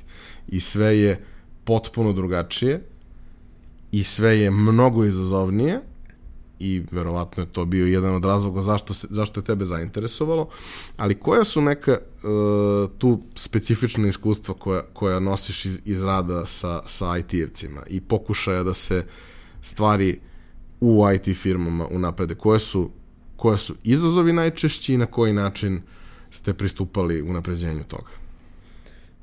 Baš kao, baš kao što si ti sad i opisao, uh, E, drugi neke industrije, recimo ja bih posebno rekao da je autoindustrija e, vrlo karakteristična po tim stvarima, ima izgrađene sisteme koji se naravno uvek unapređuju, s tim što su ti sistemi, da kažemo, ovaj, dobrim delom postavljeni, postavljeni pa čak i decenijama iza nas, e, posebno evo recimo sad ako pravim digresiju i poređenje sa, to, sa tom industrijom, dobar deo te industrije se dobrim delom naslanja na ono što su Toyotina dostignuća. Dalje razvija naravno i svako nek, negde razvija, razvija neke svoje koncepte, ali samu tu tradiciju, da kažem, uh, menadžmenta, primene različitih menadžment pravaca i različitih koncepata unapređenja ima, neguje, razmenjuje već jako dugo. Ono što je posebno na našem tržištu, recimo karakteristično sad kad pričamo o IT industriji, da su mnoge firme koje su uh, danas već i uspešne, uh, relativno mlade, što je i prirodno, da kažemo, u odnosu na ono što je tehnologija i jako brz razvoj tehnologije poslednje dve decenije doneo, i da taj razvoj, da kažem, biznisa, poslovanja, uh, nije uspeo, da kažem, da isprati razvoj organizacije. I sa druge strane, ono što smo malo prepričali, taj transfer znanja. Transfer znanja ljudi koji su radili u, u audio industriji koju uzimam kao primer, je mnogo lakši jer je tamo već, da kažem, to tradicionalna stvar. ovde u ovome, uh, u posebno da kažem IT industriji i industrijama koje su bliske i koje se da kažem negde naslanjuju na nju, nije tako nije tako da kažem ovaj uh, uh, duge tradicije i posebno što da kažem ono što je sad kao što si pomenuo uh, trend u samom razvoju softvera i ta globalna konkurentnost donela baš te brze promene. Onda se isto tako, da kažem, i na tom polju razvijaju neki novi pravci. Pa je tu recimo poznat danas agilni razvoj koji je krenuo, da kažem, iz samog razvoja softvera, ali u principu je, da kažem, koncept koji je primenjiv na različite neke druge industrije.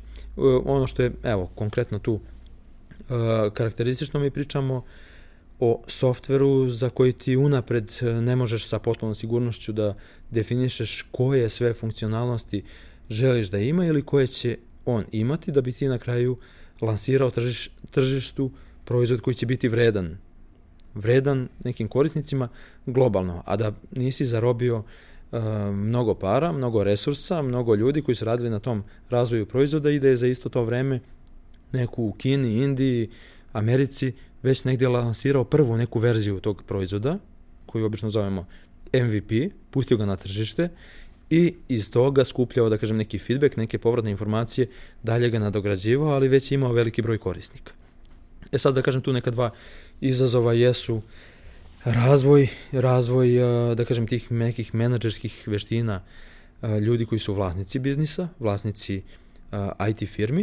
I sa druge strane ja bih rekao uvek i edukacija klijenata. Jer imaš ono malo pre si ti pominjao jako dobar primer mosta. Mi imamo i u, IT, i u, pardon, i u IT industriji primer takvih projekata gde klijent, posebno u našim outsourcing firmama, se javio sa potpuno definisanim zahtevom, što bi rekli, od A do Š, sa svakim ekranom, sa svakim uh, procesom definisanim, sa svim ulogama, sa svim mockupima, ima tačno određen budžet koji želi da plati za taj projekat ima tačan početak i završetak tog projekta. I praktično nemaš potrebe da mnogo, da kažem, razmišljaš o tome, osim da definišeš korake kroz koje ćeš mu to isporučiti. Sa druge strane imaš razvojne projekte koje ćeš razvijati kroz agilni pristup, kroz user storije, kroz sprintove i za to sa druge strane treba da imaš klijenta koji je edukovan, koji razume taj pristup, koji veruje taj svoj proizvod koji se tek razvija, koji je istražio tržište i prepoznao neku nišu proizvod na tom tržištu i koji će, koji će gurati, da kažem, kroz neke ljude sa svoje strane, product ownera i tako i tako dalje, do nekog tog MVP-a pustiti ga testirati i dalje, dalje graditi svoju priču na tome. Ok, kada pričamo o outsourcing firmama, one u suštini su klasična proizvodnja, odnosno uslužna proizvodnja. Ti radiš nešto, isporučuješ za nekog drugi i da, ok, najčešće u idealnim okolnostima kada radiš sa ljudima s kojima se razumeš, dobiješ vrlo precizno definisan zadatak. A ono što je jeli e, problem sa tim biznis modelom je da si ti aktualno onog trenutka dok god ti je cena dovoljno niska da si atraktivan. Dovoljno niska cena, dovoljno dobar kvalitet, to je borba koja je stalna, cena svega toga ovde raste i polako idemo ka tome da možda nećemo biti u nekom trenutku konkurentni. I većina tih takvih firmi pokušava da mm, ok, jaše na tom talasu dokle može, izvuče iz njega maksimum i sve što uz to ide, ali idealan scenario jeste da se zapravo pokuša usmeriti da makar deo sobstvenih resursa uloži u to da razvija neki proizvod, sobstveni proizvod, gde, jeli, stvar se drastično menja u svakom smislu. Ovde ti isporučuješ nešto i da li će klijent biti uspešan ili neće, na kraju dana tebe ne zanima. Ti si Oni su ti rekli sazidaj kuću, ti si sazidao kuću, da li će njemu da se sviđa ta kuća ili neće, on je dao plan i na kraju dana je njegov problem. Da li tržištu to odgovara takođe. Ali upravo kada se krene uh, u razvoj nečeg sobstvenog, stvari se neuporedivo usložnjavaju, odnosno tu mnogo više ima smisla uh, agile priča o kojoj, kojoj pričamo, gde ti zapravo uh, sa jedne strane e, praviš nešto što ti se čini kao ogoljena verzija onoga što želiš na kraju da imaš, ogoljena estetski na mnoge druge načine, ali funkcionalno takva da rešava problem koji, koji ti je cilj da rešiš. A nakon toga, ono što, što imaš kao dalje korake u slučaju da postoji jeli, dobra povratna informacija je da slušaš povratnu informaciju, biraš šta ćeš od toga, na koji način da implementiraš, praviš narednu iteraciju, ponovo je daješ, ponovo slušaš. I onda dolazimo do nečega što e, jeli podrazumeva rad u, u mnogo koraka koji mogu da te odvedu i na stranu na koju nisi očekivao da ćeš na kraju da završiš. Vrlo često jeli, postoji ta neka, taj neki moment pivotiranja ka nečemu. Uh, s jedne strane, jeli, u starom načinu razvoja u, u, u, u waterfall modelu, mm -hmm. to nije moguće, ti praviš dok ne napraviš, ako sve se raspadne umeđu vremenu, raspalo se, ali ti si napravio to što si napravio. Ovde imaš prostor da u svakom trenutku stvari menjaš i da upravljaš uh, svojim projektom na jedan mnogo slobodniji način. Što kažu, uh, kako smo mi to zvali u, u robotici, stepeni slobode, mm -hmm. ovaj, zglobova, jeli? Uh, koji je minimalni broj stepena slobode da bi to, bi to imalo ovaj, da, bi, da bi sistem mogao da funkcioniše. A, kako izgleda uh, ući u tako nešto, jeli, to je prilično nepoznat teren, tu se barata sa stvarima koje nisu egzaktne i tu je potrebno donositi odluke koje možda ne donosiš uvek na osnovu svih potrebnih informacija. Sad kako uopšte uh, utvrditi koje su to informacije, kako uopšte upravljati celom tom, celim tim E, razvojnim putem koji nije unapred definisan. Malo pre smo baš e, to i pomenuli. U principu mi sad, kad pričamo posebno o agilnom razvoju i da kažem gde on se prosto prepoznaje, gde je razlika, ono, tačka da kažem odlučivanja, da li ću ići ovim waterfall pristupom ili, ili agilnim, jeste baš ta neizvesnost, da kažem sa druge strane, nepoznavanje i nepoznavanje, da kažem, ovaj, krajnjeg ishoda, krajnjeg, krajnjeg rezultata.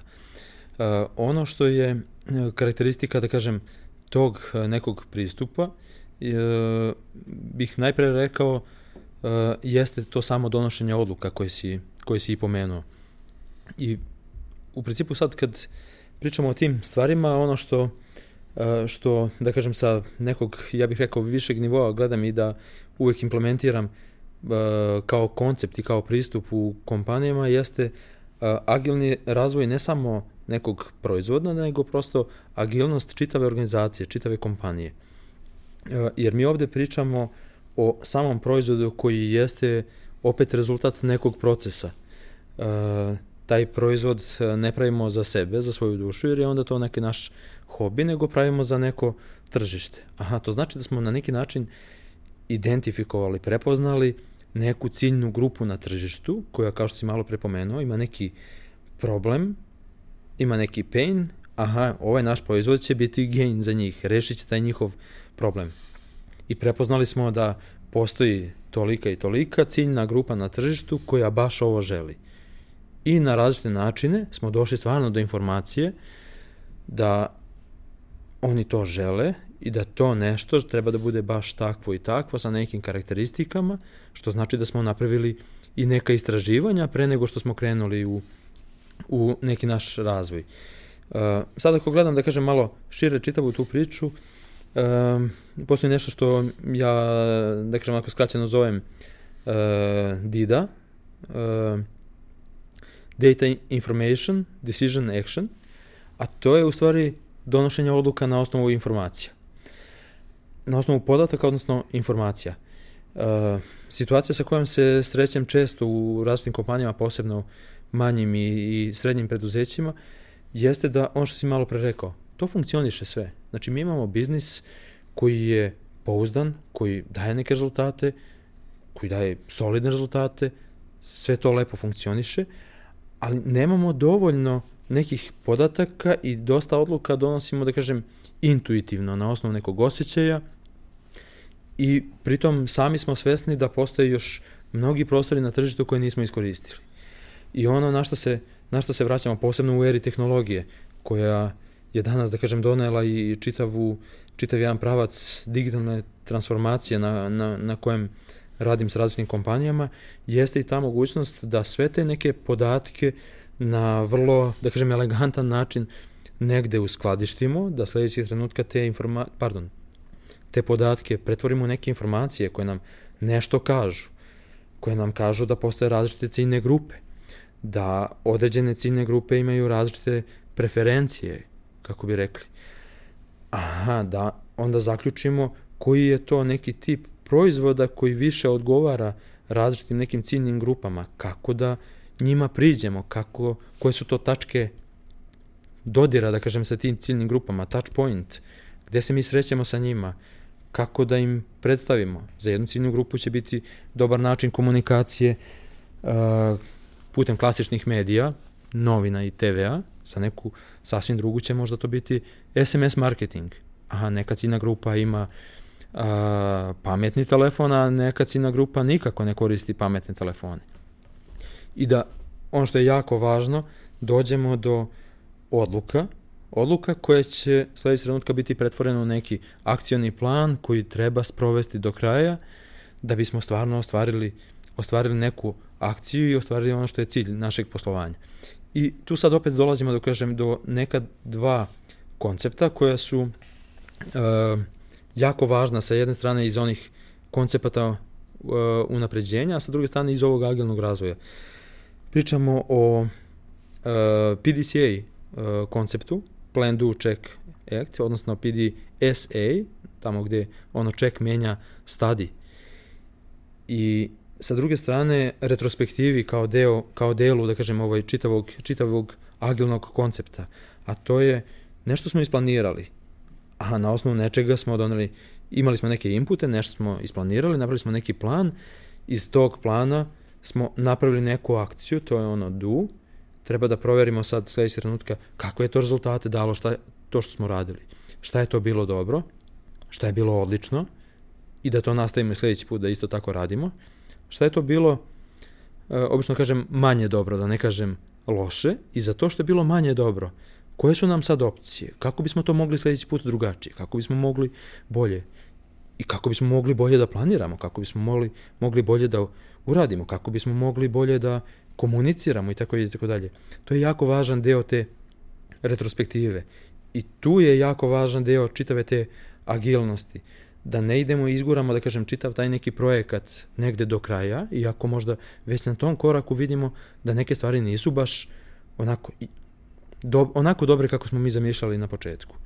Nego da već mi tu imamo prostor da se preispitamo i napravimo neki sledeći iskorak, opet ga praktično pilotiramo, testiramo, kao što si malo pre rekao, vidimo kakve rezultate daje na sledećem koraku i mi svakog trenutka praktično tražimo tražimo neku najbolju praksu i prilagođavamo se prema onome što tržište očekuje, ono što je potreba tržišta. Pardon, kad kažem tržišta, mislim kupaca, korisnika. Krajnji jer korisnika, da. kupci su i naše kolege u, u kompaniji. Onaj kome šaljem izvešte ili onaj kome šaljem neke linije koda je on je moj kupac, on je moj korisnik.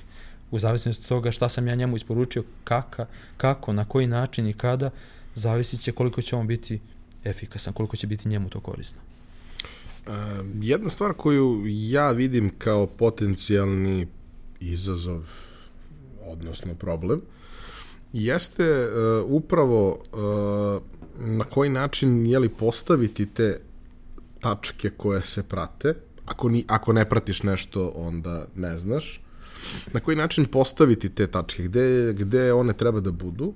Uh, I sa druge strane, m, zavisno je li od, od, od posla kojim se bavimo, uh, pričali smo o tome da sada je li posjedujemo mnogo veći, neuporedivo veći broj podataka nego što smo ikada imali o stvarima koje, koje se dešavaju. Uh, I u tom obilju podataka vrlo često je upravo problem izabrati ono što ima smisla, izabrati ono što je relevantno. E, recimo, kako sam ja sad već du, dugi niz godina mnogo više u marketingu nego u, u drugim oblastima, iako sam i dalje usko u tehnologiji, a, to imaju oni neki banalni momenti. Kako da znam da mi ovo radi? Kako da znam da mi oglas u novinama radi? Uh mhm. -huh. Jel, postoji način da izmerim? Pa, ne postoji. Ne znamo, znamo tiraž, ali ne znamo koliko je to zapravo ovaj, brojeva prodato, ne znamo koliko je zapravo to ljudi pročitalo, -hmm, dobro, a jel treba to da merimo uopšte? Pa, na kraju dana nas i ne zanima koliko ljudi to pročitalo. Nas zanima koliko ljudi pokazalo interesovanje. Kako možemo da izmerimo da su pokazali interesovanje? Pa možemo da izmerimo tako što ćemo, na primer, nije to uvek primenjivo, ali broj telefona koji je telefon za kontakt će da bude broj koji se nigde drugo ne koristi. Svaki poziv na taj broj je došao odatle. Uh, e-mail adresa koja se nalazi će biti na neki način jeli, jedinstveno u odnosu na ostale. Možda će sajt biti ne zvanična adresa, nego neka koja se redirektuje ili, ili nešto tog tipa. Naravno, tu uvek postoji mnogo stvari koje moraju da se isprate. Nije poenta da pustiš to i da to radi i da ti onda ugasiš taj broj ili taj čovjek više neće moći da te dobije. Uh, prosto uvek postoji jeli, ono što je potrebno i ispratiti nakon toga u, u tim koracima. Ali upravo taj izazov kako kako uh, odrediti koje stvari se mere, kako ih meriti i sa druge strane kada već imaš mogućnost, kada se već nešto po defaultu meri, kako izdvojiti ono što je za tebe relevantno. Kako pristupiti tim situacijama? Um, jako, jako, dobro, jako dobro pitanje i pomenuo si puno važnih stvari koje su danas, ja bih rekao, aktuelnije, aktuelnije više nego ikad.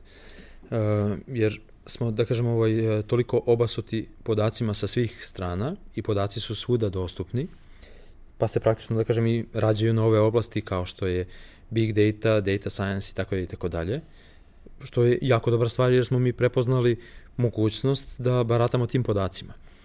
Uh, sa druge strane, uh, baš kao što si rekao, ne treba sad da odemo u krajnost i da se bavimo svim mogućim podacima, a da ne znamo šta ćemo sa, sa njima. Nego prosto da dođemo do onoga što će nama stvarno biti dobri pokazatelji našeg poslovanja i ono što ćemo mi moći da iskoristimo da na neki način unapredimo čitavo to poslovanje u različitim nekim elementima.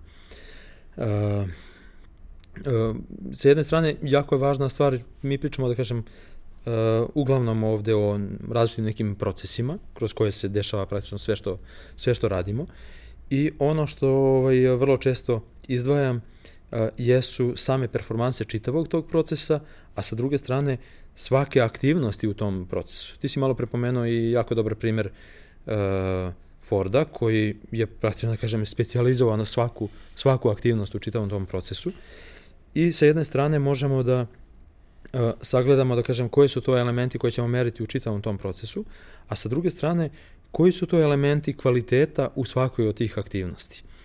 Uh, pritom ono što je jako važno i da kažem što treba uvek imati na umu u, u, u svesti kod i definisanja tih stvari koje ćemo mi meriti ili pratiti. Da li imamo mi mogućnost, odnosno na koji način ćemo mi to stvarno beležiti, meriti, pratiti, na koji način ćemo utvrditi relevantnost tih podataka. Sledeća stvar, da kažem, prosto imamo li mogućnost stvarno na neki način da utvrdimo, utvrdimo da kažem, tačnost tih podataka i na koji način ćemo detektovati naša sposobnost, sposobnost našeg sistema da eventualno detektuje grešku. Ka, sa jedne strane, da kažem, u uh, samom procesu, a sa druge strane u samom merenju tih podataka jer na kraju ako donosim odluku na osnovu pogrešnih podataka, ja ću doneti jako, jako lošu odluku. U principu onda ništa neću dobiti, da kažem, samim donošenjem odluka na osnovu tih nekih podataka. Znači, dosta je tu nekih elemenata o kojima treba voditi računa kod samog postavljanja sistema upravljanja podacima i to je opet jedan, da kažem, sistem upravljanja. A sa druge strane, e, nikako ne treba da zaboravimo i to je jedna posebna, da kažem, stvar o kojoj mislim u ovom tehnološkom vremenu treba voditi računa da na kraju sve te sisteme i čitavu, da kažem, tu digitalnu transformaciju koja je malo šira od same primjene različitih tehnologija, kreira čovek. I tu je poseban, da kažem, prostor i posebna potreba razvoja, razvoja ljudi, razvoja timova i razvoja čitave organizacije. E, sad kad pričamo baš o, o tome, e, to je e, vrlo često, da kažem, i polje veće potrebe, većeg razvoja, većeg izazova, nego samo ovo polje digitalne transformacije danas. Jer sam razvoj tehnologije, da kažem, toliko brz da čitav razvoj organizacije, odnosno samih, e, samih zaposlenih i timova, ne stiže neki put, da kažem, da isprati sve te promene. E, ono što se, što, da kažem, pravi vrlo često danas konkurentsku prednost i to su posebno velike kompanije prepoznale potrebu za, za tim, jeste razvoj čitave organizacije i timova, jer se na taj način praktično stvaraju, da kažem, i čitavi ovi kapaciteti, odnosno koriste svi ti kapaciteti koje kompanija ima. Kad kažem razvoj organizacije, to znači kako će jedni timovi iz različitih nekih sektora komunicirati, sarađivati sa onim drugim nekim timovima, kako će svaki od tih timova interno, da kažem, biti organizovan i, uspešan i sa druge strane koliko će svaki od tih pojedinaca u, u okviru čitave kompanije biti, biti ono što si malo pre rekao, zadovoljan, uspešan, ostvaren i davati potpuni doprinos. E, napravit ću jednu digresiju samo e, sa e, jednim od elemenata Lina, kao jedan od koncepata unapređenja, koji se bavi i sa nekih osam karakterističnih kategorija gubitaka koje nastaju u svakoj kompaniji. U stvari ta osma kategorija je kasnije dodata, ranije je bilo prepoznato nekih sedam kategorija i ta osma je kasnije dodata kao neiskorišćenost ljudskih potencijala koje se na različite načine manifestuje. Uh, ono što je moje iskustvo i praksa i kolega sa kojima sarađujem, sarađujem ovaj, posebno u savremenom dobu jeste da je to uh, praktično prva kategorija i odnosno kategorija na koju se najviše treba fokusirati i taj da kažem gubitak uh, što više umanjiti odnosno pretvoriti ga da kažem u, u šansu, u prednost. Tako. Prednost. Tako je. Uh, a to je baš raditi na razvoju pojedinaca, ono što si malo pre pomenuo, prepoznati polja za njegov razvoj, prepoznati polja za njegov doprinos kompaniji, prepoznati njegove potencijale, njegove afinitete i ona polja u kojima on može da bude najbolji. Sa druge strane, kad pričamo o sistemu, to znači da kažem izgraditi, e, izgraditi pardon, Eh, izgraditi eh, jasne sisteme upravljanja tim ljudskim resursima, ljudskim potencijalima koji će omogućiti da na pravim mestima budu pravi ljudi. A to je da čoveka eh, ne gurnemo na neko mesto gde će se on osjećati nekompetentnim, nezadovoljnim, neiskorišćenim, a sa druge strane da na nekom mestu može da da mnogo veći doprinos. I tu posebno mislim ovaj, na neke dve stvari koje si malo pre ovaj, i pomenuo, o kojima sam pisao i uh, i za moju firmu s jedne strane je to negde mikromanagement, a sa druge strane kako izbeći onaj halo efekat. Kako izbeći halo efekat, a to je da u ovom smislu pogrešnu osobu samo na osnovu nekih glasina postavim na neko mesto uh, na kojem vrlo često on ne želi ili se ne osjeća dovoljno ne želi da bude ili se ne osjeća dovoljno komotnim i kompetentnim. A, ono o čemu pričamo uvek u, u ovakvim situacijama i uvek kada se bavimo ovim temama je da e, zapravo e, ti ne, nemaš idealne ljude na idealnim mestima. Ti tražiš najbolje od dostupnih ljudi za poziciju koja je na neki način fiksirana. U tvojoj sistematizaciji ti imaš pozicije koje naravno mogu da se adaptiraju, promene i tako dalje, ali u suštini ti se upravo baviš uh, nesavršenim stvarima, jer savršeno ne postoji. Desi se, ali je slučajnost. A i tada to, ako dovoljno blizu pogledaš, postoji verovatno neka nesavršenost. Uh, ono što bih voleo uh, da popričamo uh, za, za neki kraj razgovora uh, je to što meni posebno e, drago što e, smo imali prilike da sarađujemo dosta na, na raznim nekim e, projektima edukacije ljudi, pa je to i, i, i, i ovo. I e, upravo jedna od stvari je li e, kako kreće rešavanje problema, pa tako što shvatiš da imaš problem, to je neki pr prvi korak uvek. E, mislim da uh, su tvoji tekstovi uh, na portalu Moja firma, na tvom blogu i na raznim drugim mestima po internetu gde sam imao prilike da ih čitam, uh, pre svega tu da otvore ljudima oči šta su mogućnosti.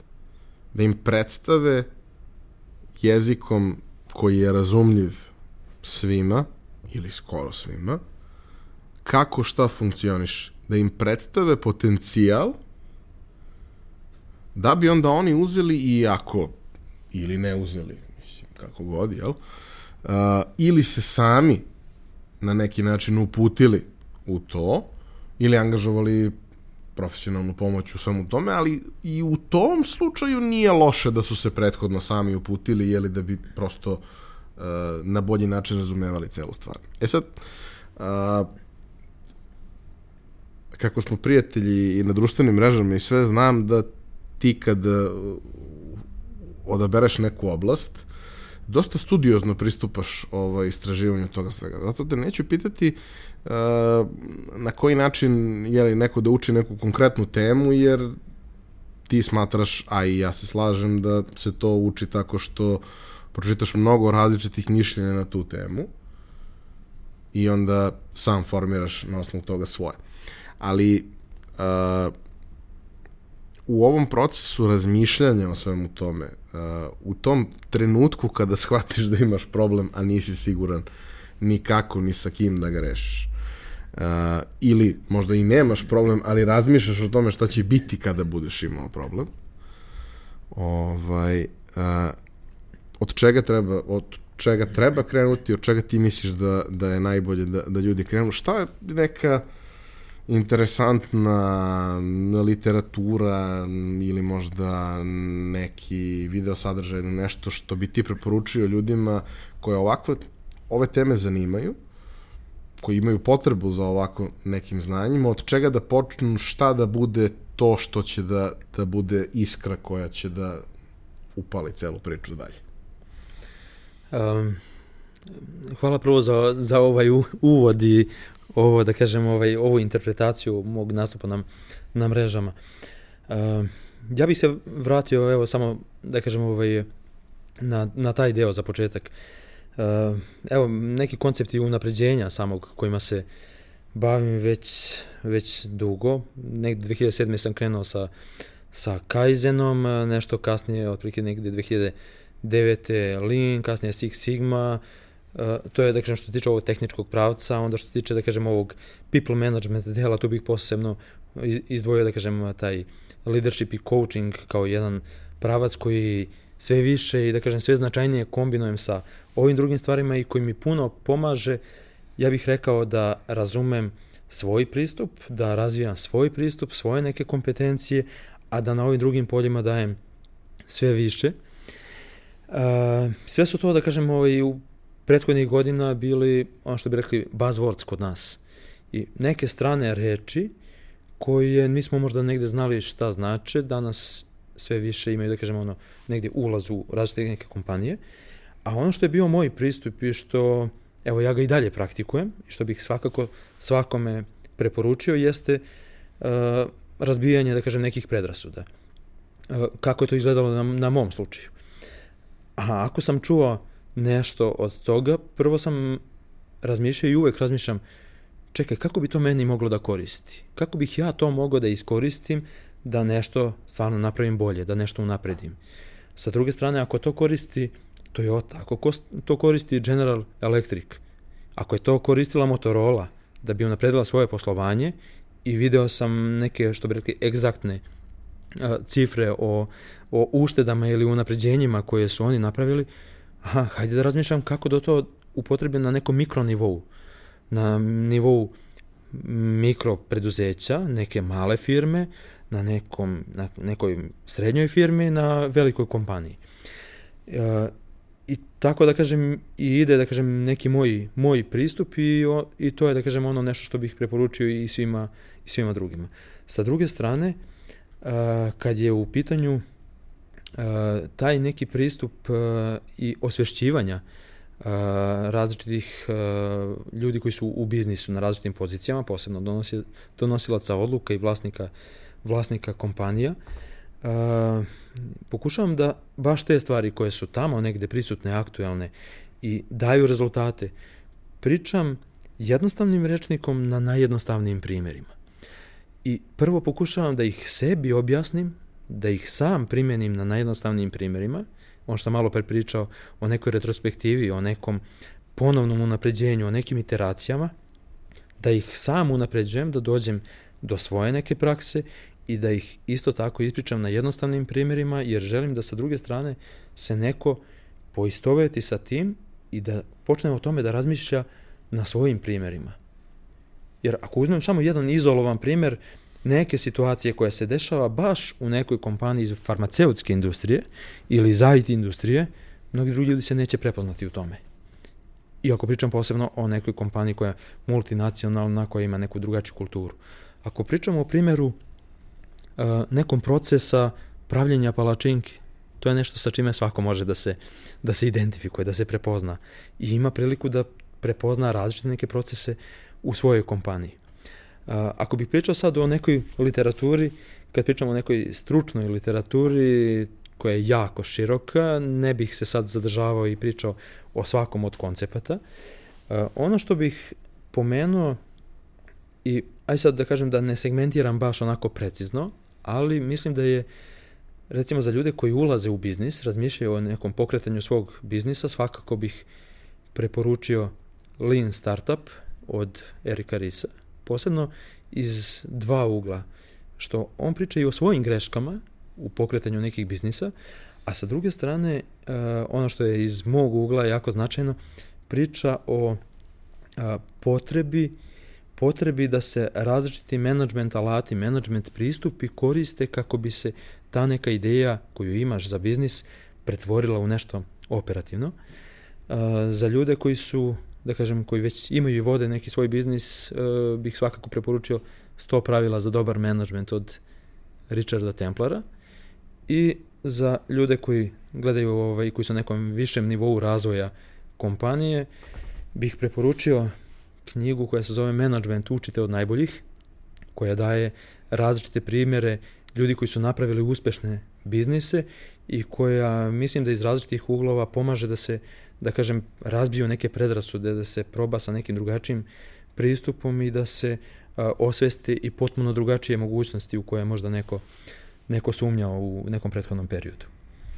Jedna od tih stvari koje sam ja negde u svom nekom uh, stvaralačkom ovaj, radu uh, kroz blog i kroz sve ostalo pokušavao da, da približim ljudima kada je marketing u pitanju su upravo te neke anegdotalne varijante gde ti iz toga pre svega čuješ dobru priču, a onda na osnovu te dobre priče, na osnovu deset dobrih priča dođeš do jedne ideje i jedne polu ideje koju možda možeš da primeniš na nešto što sada pokušavaš da radiš, što će da te pomeri možda, možda u nekom smeru.